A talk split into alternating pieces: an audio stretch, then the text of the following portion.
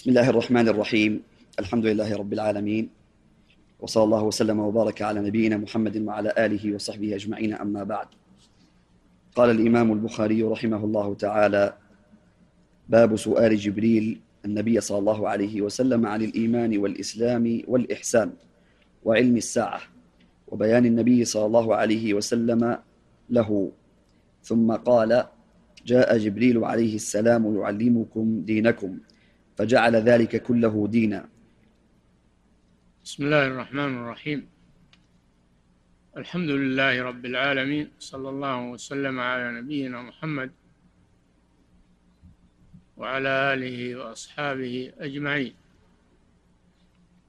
لخص الإمام البخاري رحمه الله حديث جبريل في هذه الترجمة. وبين المراد من إيرادها في هذه الترجمة أن الرسول صلى الله عليه وسلم جعل الإسلام والإيمان والإحسان كله من الدين كله من الدين. فقال هذا جبريل أتاكم يعلمكم دينكم. وفي هذا رد على المرجئة الذين يخرجون الأعمال عن الإيمان وعن الدين. لأن الرسول صلى الله عليه وسلم جعل الإسلام وهو أعمال أعمال جوارح وجعل الإيمان وهو من أعمال القلب وجعل النطق بالشهادتين أن تشهد أن لا إله إلا الله جعله من الدين. كل هذا من الدين. والدين والإيمان والإسلام بمعنى واحد. بمعنى واحد.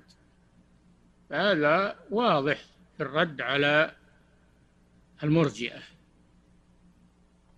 الذين يفصلون الأعمال عن الدين. المرجئة كثير كثير الفرق لكن تتلخص فرقهم في أربع. الفرقة الأولى الجهمية.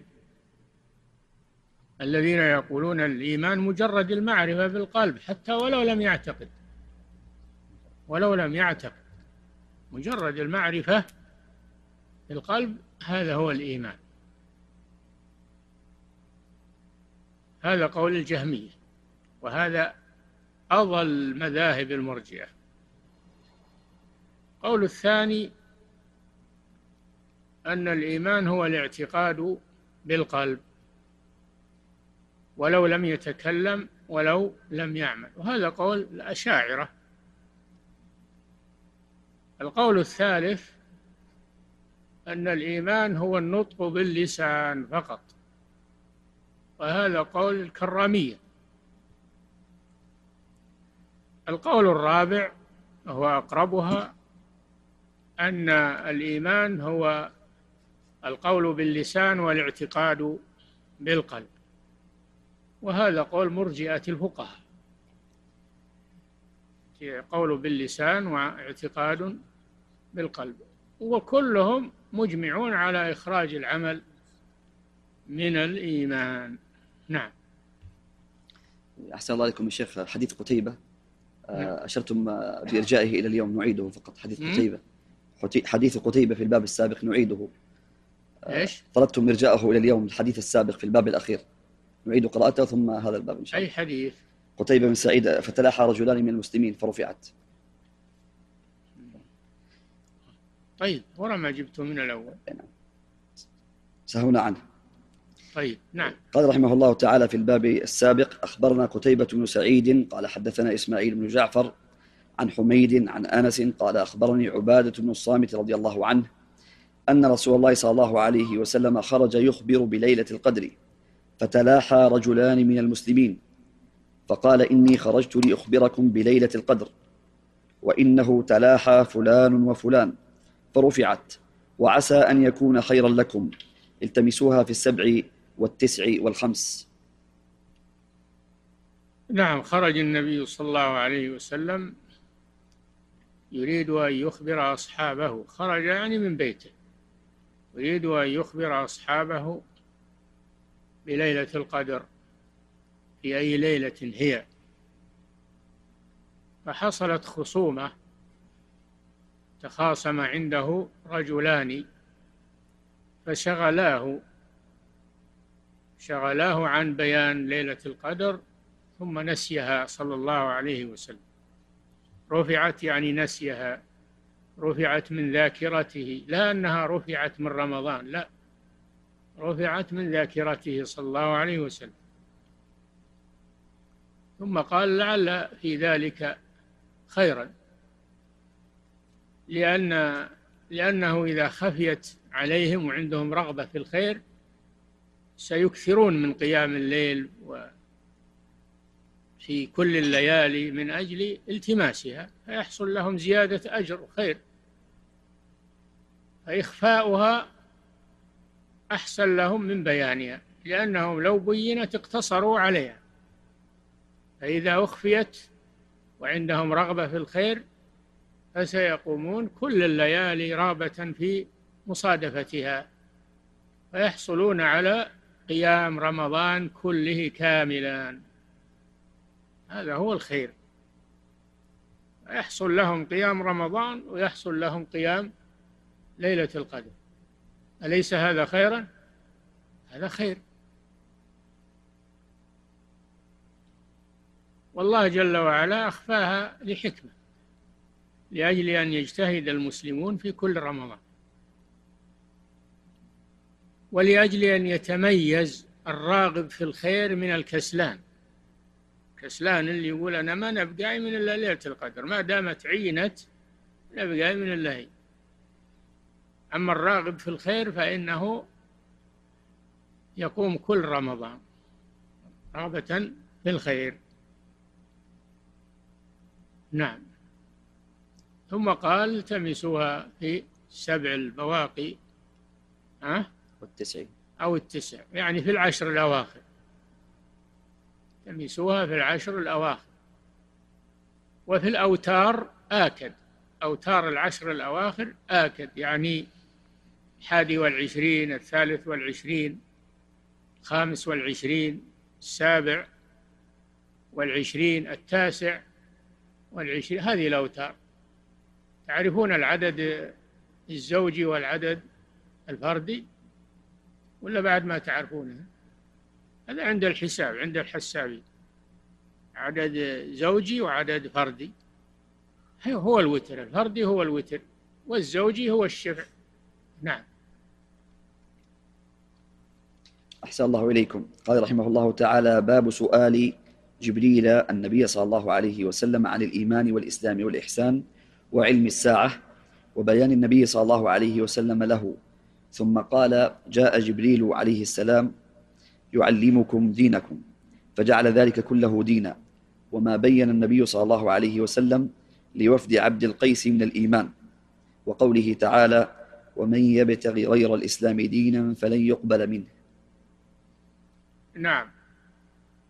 في حديث جبريل سؤاله للنبي صلى الله عليه وسلم ذكر الإسلام على حدة وأنه خمسة أركان ظاهرة شهادة لا إله إلا الله وأن محمدا رسول الله إقام الصلاة وإيتاء الزكاة صوم رمضان وحج البيت. من استطاع إليه سبيلا. هذه أركان عملية ظاهرة على الجوارح. واللسان. ثم سأله عن الإيمان. قال الإيمان أن تؤمن بالله وملائكته وكتبه ورسله واليوم الآخر وتؤمن بالقدر خيره وشره. هذه أركان هذه أركان باطنة في القلب. الإيمان فلا بد من اجتماع الأركان الظاهرة والأركان الباطنة ما يكفي الإسلام بدون إيمان ولا يكفي الإيمان بدون إسلام. فذكر الدين بأركانه الظاهرة والباطنة فمن العلماء من يقول الإسلام والإيمان شيء واحد كالإمام البخاري رحمه الله جمع من الأئمة يرون أنه لا فرق بين الإسلام والإيمان. والجمهور على أن هناك فرقا بين الإسلام والإيمان. الإسلام هو الأركان الظاهرة والإيمان هو الأركان الباطنة أركان الإيمان الستة. فلا والدين هو الجمع بينها. الدين هو الجمع بينها الأركان الظاهرة والباطنة. ويقولون كل كل مؤمن فهو مسلم وليس كل مسلم مؤمنا. قد يكون مسلم فقط يستسلم ويصلي ويصوم لكن ما عنده إيمان. مثل المنافقين. المنافقون يستسلمون ويصلون ويزكون ويعملون الأعمال الظاهرة تقية وهم ما عندهم إيمان في قلوبهم والعياذ بالله. يقولون بأفواههم ما ليس في قلوبهم فقد يكون مسلما ولا يكون مؤمن. خلاف المؤمن فإنه لا بد أن يكون مسلما. ولهذا يقولون بين الإسلام والإيمان عموم وخصوص مطلق. عموم وخصوص مطلق.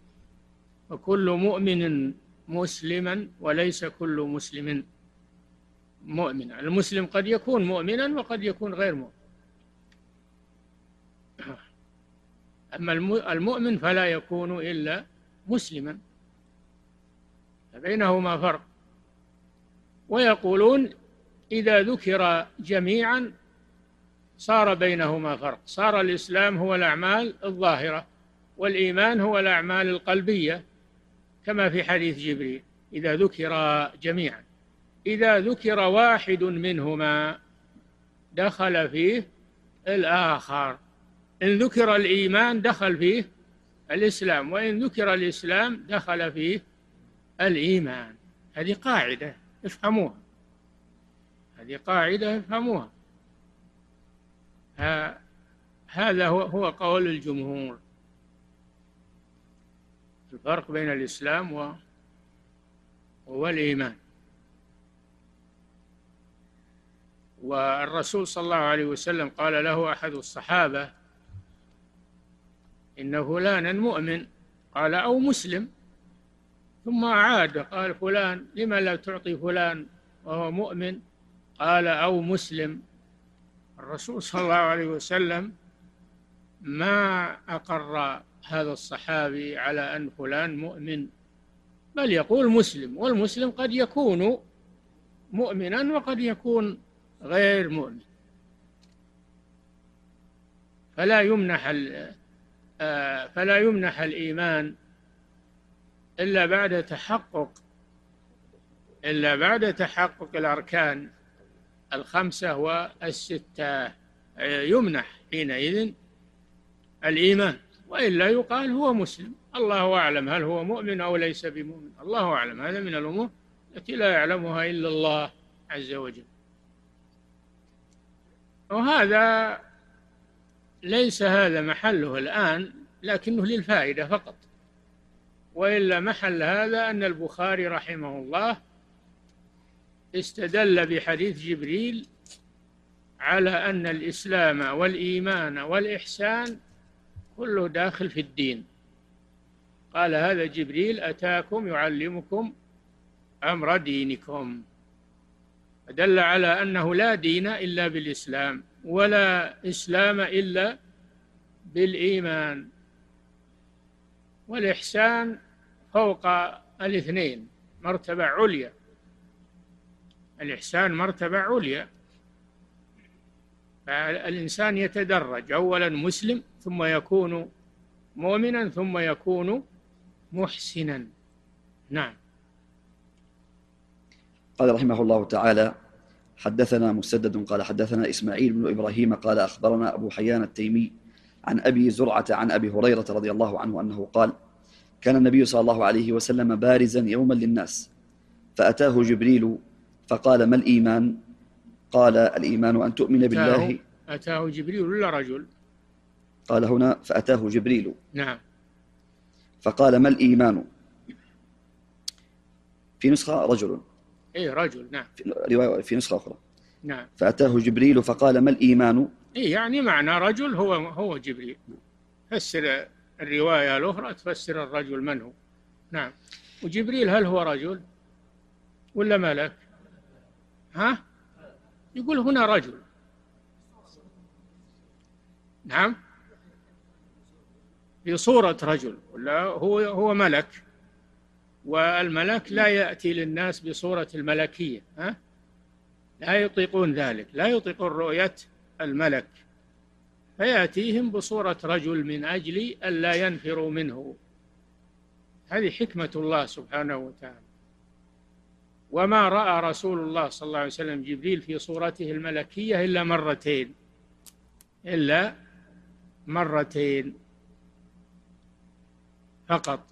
ولقد رآه نزلة أخرى عند سدرة المنتهى. رآه ليلة المعراج في السماء ورآه المرة الأولى في الأرض حينما ضايقه قومه وخرج من بينهم يفكر وين يروح وين. وإذا بصوت فوقه فرفع رأسه فإذا جبريل على صورته. بين السماء والأرض. هذا في بطحة مكة. هذه المرة الأولى ها؟ المرة الثانية ليلة المعراج. ولقد رآه نزلة أخرى عند سدرة المنتهى. وإلا باقي الحالات فإن جبريل يأتي النبي صلى الله عليه وسلم في صورة رجل ويخاطبه. نعم. أحسن الله إليكم. قال فأتاه جبريل فقال ما الإيمان؟ قال الإيمان أن تؤمن بالله وملائكته وبلقائه ورسله وتؤمن بالبعث. نعم هذا الإيمان. قال ما الإسلام؟ قال الإسلام أن تعبد الله ولا تشرك به وتقيم الصلاة وتؤتي الزكاة وتؤدي الزكاة. أن تعبد الله ولا تشرك به هذا معنى الشهادتين. نعم. وتقيم الصلاة نعم. وتؤدي الزكاة المفروضة. وتصوم رمضان. قال ما الإحسان؟ هذا هذه أعمال ولا ما هي بأعمال؟ هذه أعمال كلها أعمال جوارح ولسان. نطق بالشهادتين هذا عمل اللسان. الصلاة والزكاة والقيام آه، وهذه كلها أعمال جوارح. نعم. والصيام نعم. والحج هذه كلها أعمال جوارح. نعم. قال ما الإحسان؟ قال أن تعبد الله كأنك تراه. فإن لم إذا تكن حقق الإنسان هذه المراتب الإسلام والإيمان فإنه يرتقي إلى الإحسان مرتبة أعلى أعلى شيء. والإحسان ما هو؟ الإحسان في الأصل الإتقان إتقان الشيء. يقال يحسنه يعني يتقنه إتقانا. فالذي يتقن الدين هذا محسن ولا لا؟ اللي يتقنه إتقانا؟ هذا يقال محسن. كيف يكون محسنا أن يعبد الله كأنه يراه. يعني يكون عنده يقين قوي بالله كأنه يرى الله سبحانه وتعالى. فإن لم يكن يراه فإنه يعتقد أن الله يراه ويراقبه. هذه المرتبة الثانية من الإحسان. المرتبة الأولى أن يبلغ كأنه يشاهد الله عز وجل من قوة اليقين والإيمان. المرتبة الثانية إذا لم يصل إلى هذه المرتبة فإنه يعلم أن الله يراه. فيحسن العمل و ويتأدب مع الله عز وجل لأن الله يراه. نعم. قال ما الإحسان؟ قال أن تعبد الله كأنك تراه فإن لم تكن تراه فإنه يراك. هذه قوة اليقين. نعم. قال متى الساعة؟ قال ما المسؤول عنها بأعلم من السائل. أما الساعة فالرسول ما عنده جواب. ليه؟ ليه ما عنده جواب؟ لأن الله أخفاها. أخفاها فلم يطلع عليها أحدا لا ملكا مقربا ولا نبيا مرسلا. لا يعلم متى تقوم الساعة إلا الله سبحانه وتعالى. أما العلم بأنها ستقوم الساعة ها؟ العلم بأنها ستقوم الساعة هذا كل يعلمه من المسلمين. لكن وقت القيام وقت القيام تحديد قيام الساعة هذا لا يعلمه إلا الله سبحانه وتعالى. يسألونك عن الساعة أيان مرساها؟ قل إنما علمها عند ربي. لا يجليها لوقتها إلا هو. ثقلت في السماوات والأرض لا تأتيكم إلا بغتة. يسألونك كأنك حفي عنها. قل إنما علمها عند الله. قل إنما علمها عند الله. فأخفاها سبحانه وتعالى. لذلك جبريل لما سأل محمد صلى الله عليه وسلم قال ما المسؤول عنها؟ وهو محمد بأعلم من السائل وهو جبريل. كل كلانا لا يعلمها. أنا وأنت لا نعلمها. وهكذا ينبغي للمسلم إذا لم يكن عنده جواب للمسألة أن يقول الله أعلم.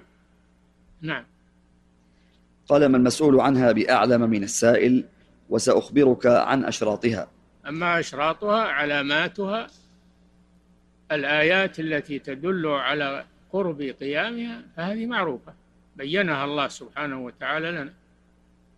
بينها لنا. ذكر النبي صلى الله عليه وسلم هنا علامتين. العلامة الأولى أن تلد الأمة ربتها والعلامة الثانية أن تجد الحفاة العراة العالة رعاء الشاء يتطاولون في البنيان. البادية اللي تسكن في بيوت الشعر وبالصحارى في آخر الزمان تتحضر تسكن المدن وتبني عمارات وأدوار هذا من علامات الساعة. هذا موجود الآن ولا ما هو موجود؟ يمكن بعضكم بدو أنتم. ها؟ نعم. وسأخبرك عن أشراطها. نعم. إذا ولدت الأمة ربها. أو ربتها رواية ربتها يعني سيدتها. أو ربها يعني سيدها. كيف يكون هذا؟ قالوا يتسرى بأمة في آخر الزمان يكثر الجواري والمملوكات فيكثر التسري فتلد هذه السريات من سادتها. المولود هل هو حر ولا عبد؟ حر. الأم؟ عبد مملوكة. فتكون ال تكون ال يكون المولود حرا والأم مملوكة. هذا من علامات الساعة. هذا من علامات لأنه يكثر ولا هذا موجود في الأول لكنه يكثر في آخر الزمان. نعم. وإذا تطاول رعاة الإبل البهم في البنيان. ها؟ وإذا تطاول رعاة الإبل البهم في البنيان. البهم يعني التي لا تنطق. الإبل بهم بهيمة الأنعام. الإبل والبقر والغنم. سميت بهيمة لأنها لا تنطق. نعم. في خمس لا يعلمهن إلا الله. ثم تلا النبي في خمس لا يعلمهن إلا الله. مفاتح الغيب وعنده مفاتح الغيب لا يعلمها إلا هو. ما هي؟ هي المذكورة في آخر سورة لقمان. إن الله عنده علم الساعة وينزل الغيث ويعلم ما في الأرحام وما تدري نفس ماذا تكسب غدا. وما تدري نفس بأي أرض تموت. إن الله عليم خبير. نعم. هذه لا يعلمها إلا الله ومنها أولها أولها علم الساعة أي قيام الساعة. نعم. ثم تلا النبي صلى الله عليه وسلم إن الله عنده علم الساعة الآية. نعم. ثم أدبر فقال ردوه فلم يروا شيئا. فقال هذا جبريل جاء يعلم الناس دينهم. قال نعم. أبو قال ردوه يبي يبين لهم. اطلبوا الرجل. عندهم ما بعد راح. دوروا ما لقوا واحد. رجعوا إلى الرسول قالوا ما ما فيها. قال هذا جبريل. أتاكم يعلمكم دينكم. وفي بعض الروايات طلع علينا رجل شديد بياض الثياب شديد سواد الشعر لا يرى عليه أثر السفر ولا يعرفه منا أحد. سبحان الله. شديد بياض الثياب وشديد سواد الشعر هذا يدل على أنه من أهل المدينة. ولا يرى عليه أثر السفر حتى يقال هذا جاي من بعيد. وليس هو من أهل المدينة لا هو مسافر ولا هو من أهل البلد. هذا عجيب. ولا يعرفه أحد. لو كان من أهل البلد عرفوه هذه غرائب كلها غرائب. نعم. قال أبو عبد الله جعل ذلك كله من الإيمان. قال أبو عبد الله يعني البخاري رحمه الله يعني نفسه. قال أبو عبد الله جعل الإسلام والإيمان والإحسان هو الدين. فدل على أن وهذه فيها أعمال وفيها اعتقادات وفيها نطق وهي الدين فدل على أن الإسلام والإيمان والدين قول وعمل واعتقاد. هذا رد على من؟ على المرجئة. نعم. قال رحمه الله تعالى باب حدثنا إبراهيم بن حمزة قال حدثنا إبراهيم بن سعد عن صالح عن ابن شهاب عن عبيد الله بن عبد الله أن عبد الله بن عباس رضي الله عنهما أخبره قال أخبرني أبو سفيان أن هرقل قال له سألتك هل يزيدون أم ينقصون؟ فزعمت أنهم يزيدون وكذلك الإيمان حتى يتم. حتى يتم نعم. وسألتك هل يرتد أحد سخطة لدينه بعد أن يدخل فيه؟ فزعمت أن لا. وكذلك الإيمان حين تخالط بشاشته القلوب لا يسخطه أحد. نعم. هذا كان كانت قريش في الجاهلية يتاجرون يتاجرون في الرحلتين رحلة الشتاء ورحلة الصيف رحلة الشتاء إلى الشام ورحلة الصيف إلى اليمن. فرحلوا إلى إلى الشام على العادة وكان زعيم القافلة أبو سفيان بن حرب أبو سفيان بن حرب. فلما قدموا الشام كان هرقل ملك الروم قد سمع قد سمع عن بعثة الرسول صلى الله عليه وسلم وهم أهل الكتاب يعرفونه يعرفون الرسول وأنه سيبعث. فسأل هل من العرب أحد موجود؟ قالوا نعم.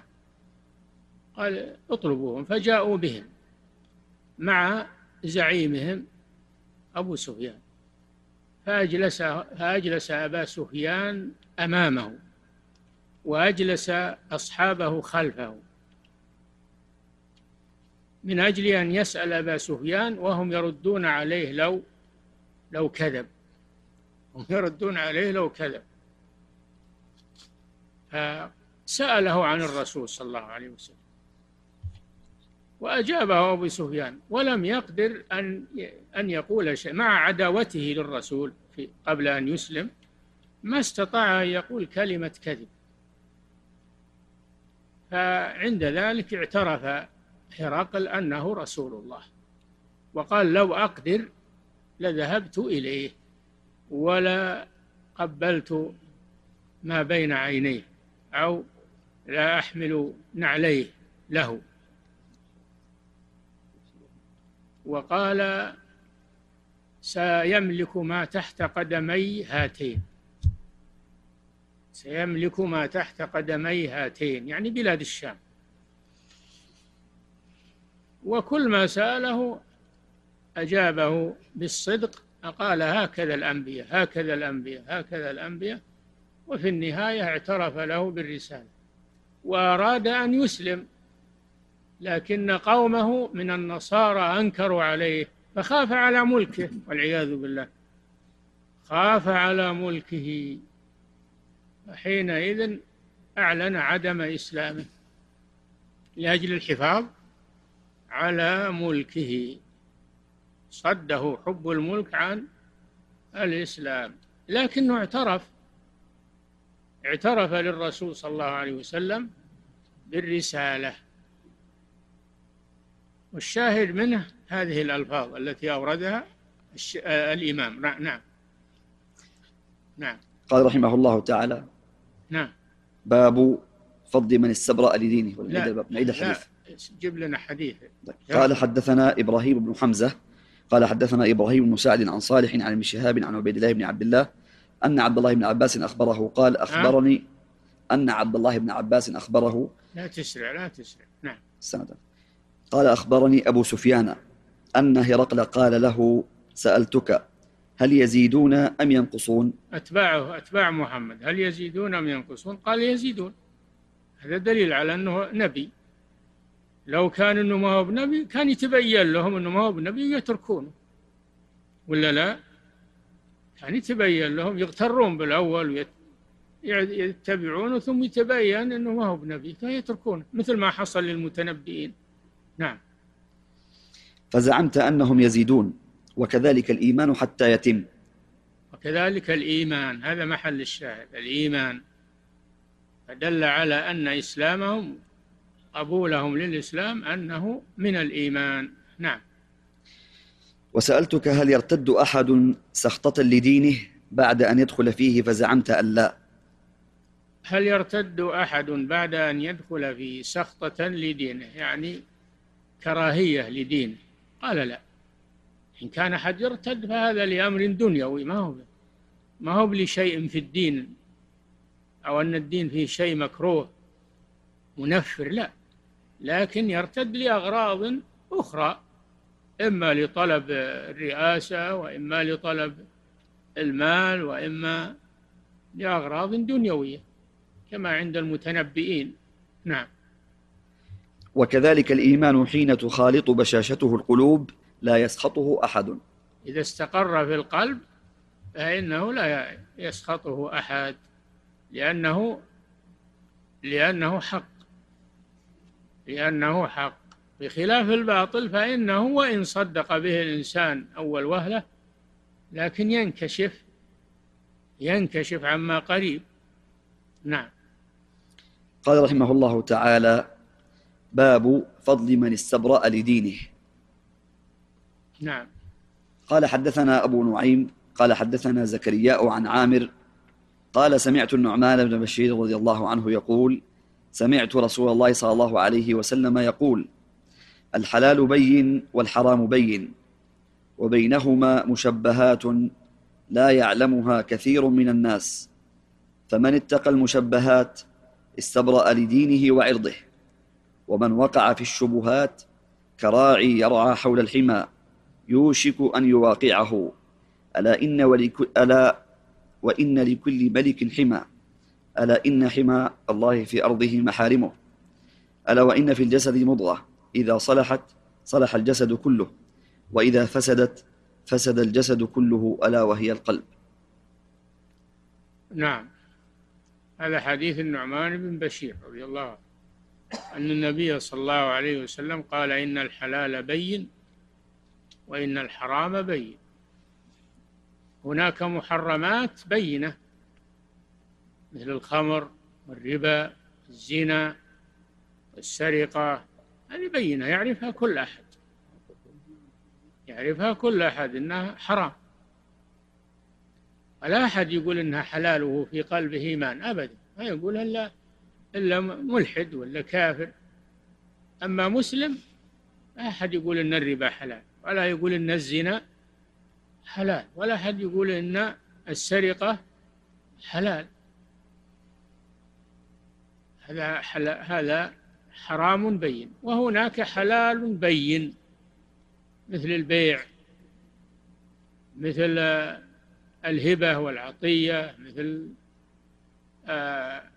الطيبات الأطعمة الطيبة والأشربة الطيبة يحل لهم الطيبات. ما حد يقول إنها حرام. إن قالها أحد هو كافر. اللي يحرم الحلال البين يكون كافرا ولكن هناك أمور مشتبهات. ما يدرى هل هي من الحلال ولا من الحرام بسبب خفاء الأدلة فيها. سبب خفاء الأدلة فيها. هذه أكثر الناس ما يعرفها ما يعرفها إلا قليل من العلماء قليل من الناس. لا يعلمهن كثير من الناس. فدل على أن القليل وهم العلماء الربانيون يعرفونها. إذا ما موقف المسلم من هذه الأمور؟ موقفه أن يأخذ الحلال البين وأن يترك الحرام البين وأن يتوقف فيما اشتبه عليه فلا يدري هل هو من الحلال أو من الحرام. وهذا ما يسمى بالاحتياط. فمن اتقى الشبهات فقد استبرأ لدينه وعرضه. هذا احتياط ورع يتوقف عما لا يعلمه حتى يتبين له هل هو من الحلال أو من الحرام. أما الإنسان اللي ما عنده مبالاة فإنه يقول ما خلاص كل شيء حلال. على هنا وياخذه يأخذ المشتبه. هذا ما يقف عند المشتبه في النهاية يتعداه إلى الحرام مثل الراعي اللي يرعى عند الحمى والحمى تعرفون إن بعض الملوك وبعض الرؤساء يحمون لدوابهم أو لدواب الرعية المصالح العامة يحمون بعض المراعي يحمونها من الناس. لترعاها إبل الصدقة أو إبلهم الخاصة. يجي واحد راعي غنم ويلقى هالعشب القريب ولا يدري أنه محمي ويخلي غنمه حوله. الغنم إذا شافت الرعي تروح لما الرعي والخضار لأنها ما تدري. والسبب هو راعيها الذي أتى بها حول حول الحمى.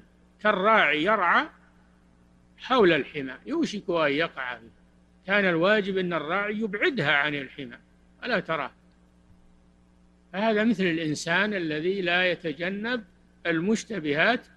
حري به أن يتخطى إلى المحرمات.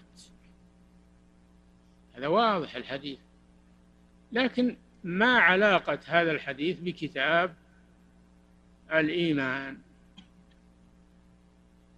ما علاقته علاقته أن أن أخذ الحلال البين وترك الحرام البين والتوقف المشتبهات هذا من الإيمان.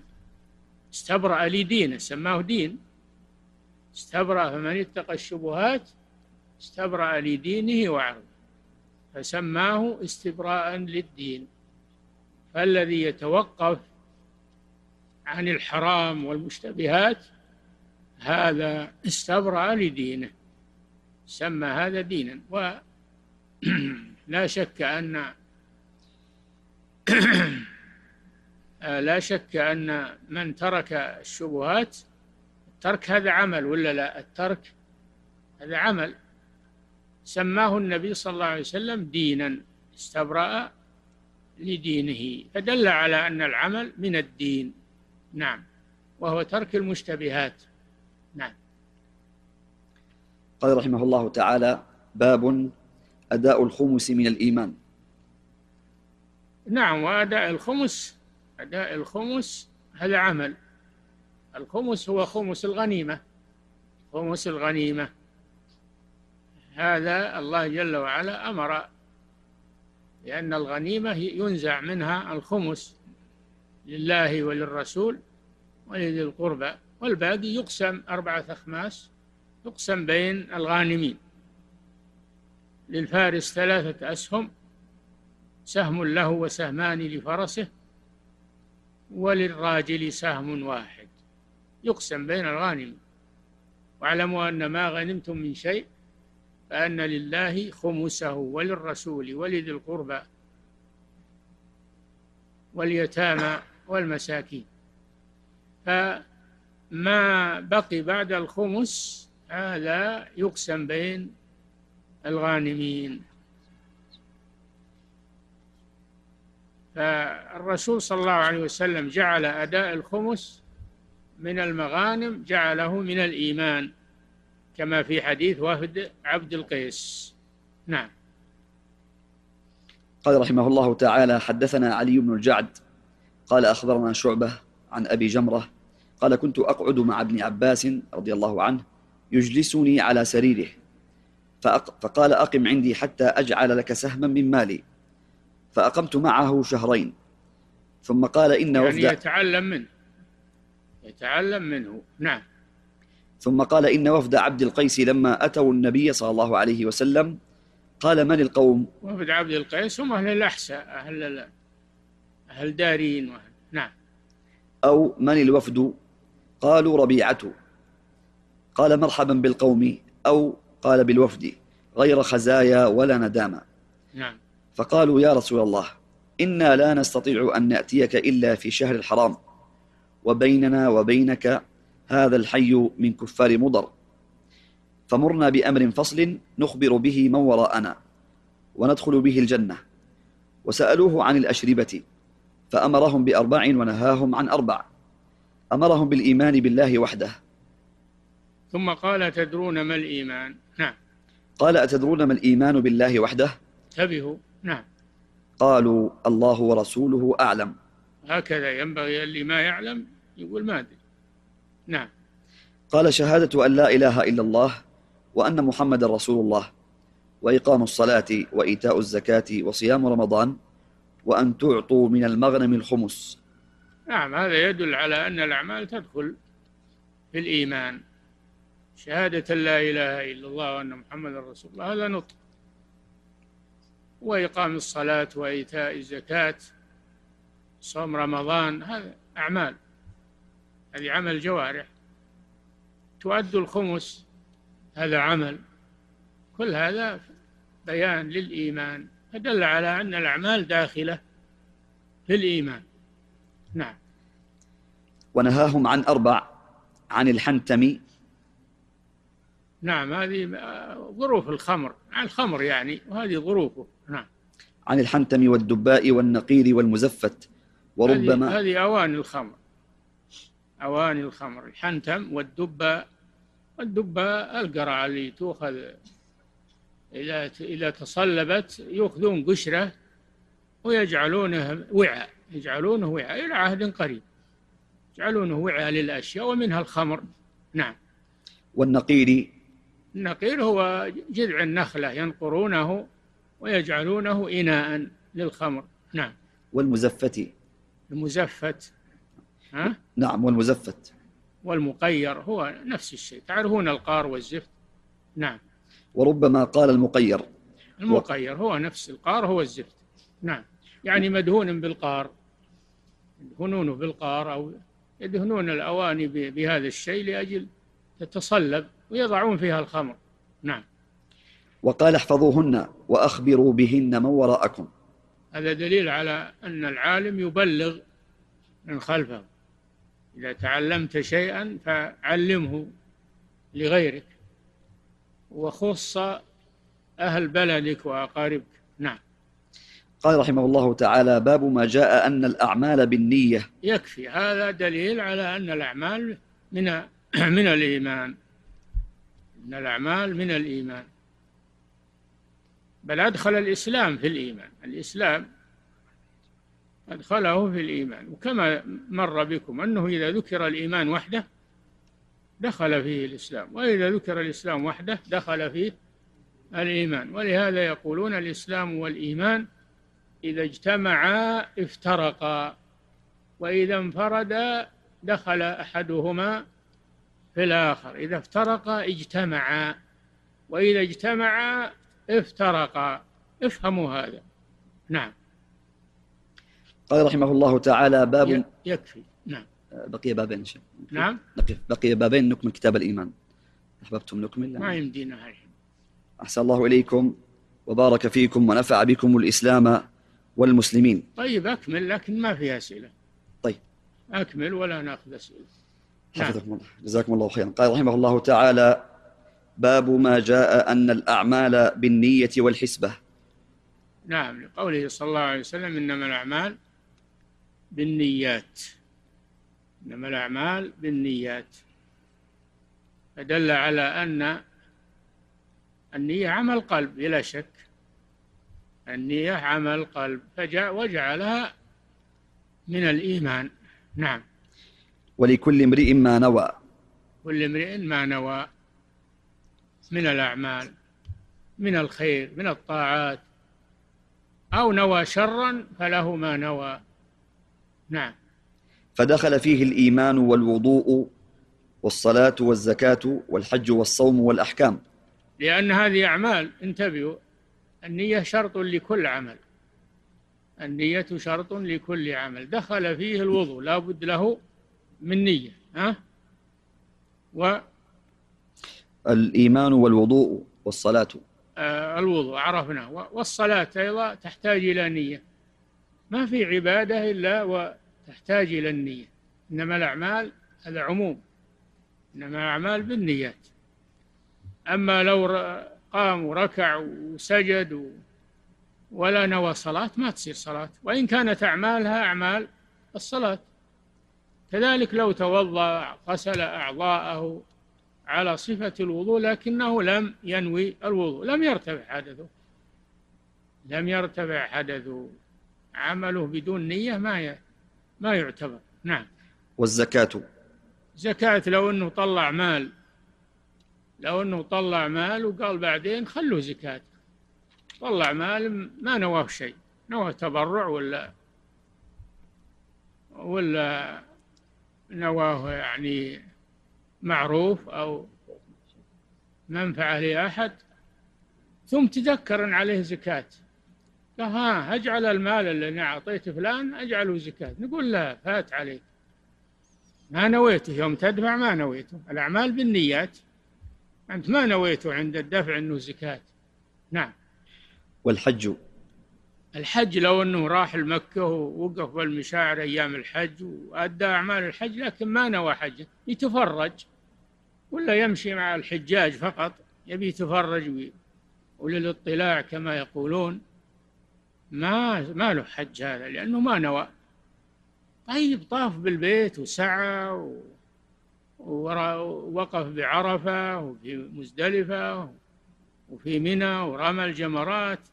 لكن كل هذا للاطلاع ما يعمله مع الناس للاطلاع أو ولا ولا نوى حج ما يصير له حج. نعم.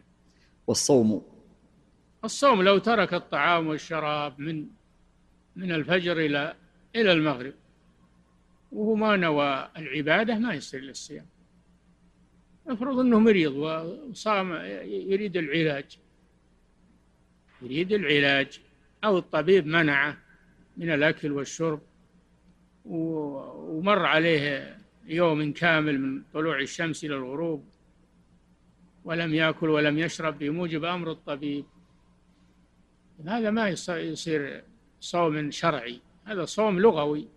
نعم. والأحكام؟ سائر الأحكام كلها. لا بد من النية. إنما الأعمال الرسول صلى الله عليه وسلم أوتي جوامع الكلم. أوتي جوامع الكلم. وفصل الخطاب. ما يروح يقول ترى الصلاة تشترط لها النية ترى الزكاة تشترط لها النية ترى الوضوء تشترط لها. ما ما قال هكذا. قال إنما الأعمال بالنيات وإنما لكل امرئ ما نوى. هذا يندرج تحته كل العبادات بلفظ وجيز. هذا بلفظ وجيز. نعم. وقال الله تعالى قل كل يعمل على شاكلته على نيته. على شاكلته على نيته. فربكم أعلم بمن هو أهدى سبيلا. كل يعمل لكن اللي يعمل بدون نية لا تكون لا يكون عمله عبادة ولا يؤجر عليه حتى يكون له نية العبادة. نعم. قال نفقة الرجل على أهله يحتسبها صدقة. الرجل يجب عليه أن ينفق على أهله على زوجته. هذا واجب. أن ينفق الزوج على زوجته ولو أن زوجته غنية لو عندها أموال نفقتها على زوجها. هذا شيء واجب عليه. إذا احتسب الأجر في إطعام زوجته صار صدقة. يؤجر عليها. حتى ما تجعله في في امرأتك. يصير صدقة. إذا نويته. إذا نويته واحتسبته يكون صدقة. نعم. وقال ولكن جهاد ونية. جهاد ونية يعني لو قاتل بدون نية الجهاد ما يصير جهاد. ما يصير جهاد. جهاد ونية. فجهاد بدون نية لا يكون جهادا شرعيا له فيه أجر. نعم. قال رحمه الله حدثنا عبد الله بن مسلمة قال أخبرنا مالك عن يحيى بن سعيد عن محمد بن إبراهيم عن علقمة بن وقاص عن عمر رضي الله عنه أن رسول الله صلى الله عليه وسلم قال الأعمال بالنية ولكل امرئ ما نوى فمن كانت هجرته إلى الله ورسوله فهجرته إلى الله ورسوله ومن كانت هجرته لدنيا يصيبها أو امرأة يتزوجها فهجرته إلى ما هاجر إليه. الرسول صلى الله عليه وسلم في هذا الحديث جاء بالقاعدة العامة فقال إنما الأعمال بالنيات وإنما لكل امرئ ما نوى ثم طبقها على هذا المثال الهجرة. الهجرة وهي الانتقال من بلاد الكفر إلى بلاد المسلمين فرارا بالدين هذه الهجرة. لو واحد انتقل من بلاد الكفار إلى بلاد المسلمين بدون نية الهجرة يكون مهاجرا؟ لا. ليس له أجر الهجرة لأنه ما نوى. لو نوى غير الفرار بالدين لو نوى بالهجرة والانتقال غير الفرار بالدين لامرأة ينكحها ها؟ فمن كانت هجرته إلى الله ورسوله فهجرته إلى الله ورسوله ومن كانت هجرته لامرأة ينكحها. واحد انتقل من بلد الكفر إلى بلد الإسلام من أجل فلانة يتزوجها. ويقال إن رجلا هاجر من مكة إلى المدينة يريد الزواج بامرأة يقال لها أم قيس. الرسول صلى الله عليه وسلم قال ومن كانت هجرته لدنيا يصيبها تجارة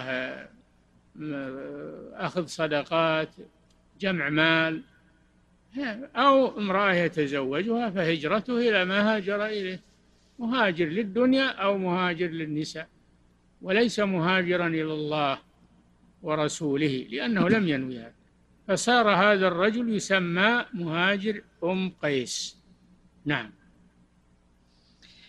قال حدثنا حجاج بن منهال قال حدثنا شعبة قال أخبرني عدي بن ثابت قال سمعت عبد الله بن يزيد عن أبي مسعود رضي الله عنه عن النبي صلى الله عليه وسلم أنه قال إذا أنفق الرجل على أهله يحتسبها مناسبة إيراد حديث النية بعد ما سبق من الأعمال سبق أعمال كثيرة إيراد هذا الحديث أو هذه الأحاديث في النية؟ ليذكر المسلم على أن هذه الأعمال السابقة لا تحتسب عند الله إلا بالنية. هذا مناسبة ذكر النية في آخر كتاب الإيمان. لما ذكر أن أن الأعمال كلها تدخل في الإيمان بين أنه لا يعتبر من الأعمال التي تدخل في الإيمان إلا ما كان بنية. نعم. قال حدثنا حجاج بن منهال قال حدثنا شعبة قال أخبرني عدي بن ثابت أنه قال سمعت عبد الله بن يزيد عن أبي مسعود رضي الله عنه عن النبي صلى الله عليه وسلم أنه قال إذا أنفق الرجل على أهله يحتسبها فهو له صدقة. نعم. مع أنه واجبة عليه ملزم بها لكن إذا اعتبرها تقربا إلى الله وأداء للواجب عليه صار صدقة. نعم. قال رحمه الله حدثنا الحكم بن نافع قال أخبرنا شعيب عن الزهري. فالنية حولت الشيء العادي والعادة تحولها إلى عبادة. نعم. قال حدثنا الحكم بن نافع قال أخبرنا شعيب عن الزهري قال حدثني عامر بن, عامر بن سعد عن سعد بن أبي وقاص رضي الله عنه أنه أخبره أن رسول الله صلى الله عليه وسلم قال إنك لن تنفق نفقة تبتغي بها وجه الله إلا أجرت عليها حتى ما تجعل في في امرأتك. تبتغي وجه الله. شوف هذه النية. تبتغي وجه الله إلا أجرت عليها. حتى النفقة الواجبة عليك إذا نويتها تقربا إلى الله صارت عبادة. صار أجرها لك. نعم. حتى ما تجعل في في امرأتك. نعم. قال رحمه الله تعالى باب قول النبي صلى الله عليه وسلم الدين النصيحة لله ولرسوله ولأئمة المسلمين وعامتهم وقوله تعالى إذا نصحوا لله ورسوله. النصيحة عمل الذي ينصح الناس ويذكرهم ويعظهم هذا عمل يدخل في الإيمان. النبي صلى الله عليه وسلم قال الدين النصيحة فجعل النصيحة من الدين. والله جل وعلا قال إذا نصحوا لله ورسوله. ليس على الضعفاء ولا على المرضى ولا على الذين لا يجدون حرج إذا نصحوا لله ورسوله. ما على المحسنين من سبيل. والله غفور رحيم. الجهاد واجب. الجهاد واجب. في سبيل الله إذا استنفر ولي الأمر. استنفرتم فانفروا. ما لكم إذا قيل لكم انفروا. في سبيل الله اثاقلتم إلى الأرض.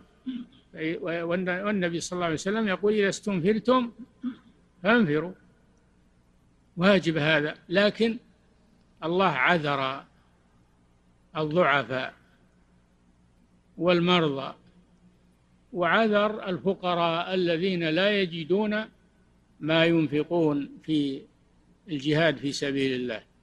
لا يجدون رواحل لا يجدون زادا. عذرهم الله في القعود عن الجهاد. لكن بشرط إذا نصحوا لله رسوله ما قعدوا كسلا أو عجزا وإنما قعدوا مع نيتهم الجهاد مع نيتهم الجهاد لكن حبسهم العذر. هؤلاء لهم أجر المجاهدين.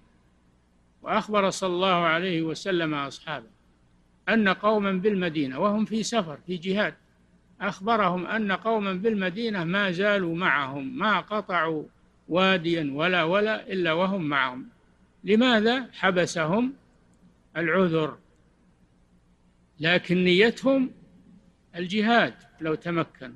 فهم جاهدوا بنيتهم وإن لم يجاهدوا بأبدانهم. لما حبسهم العذر دل على أن النية لها مقام عظيم عند الله سبحانه وتعالى حتى ولو لم يعمل إذا كان هذا لعذر. نعم.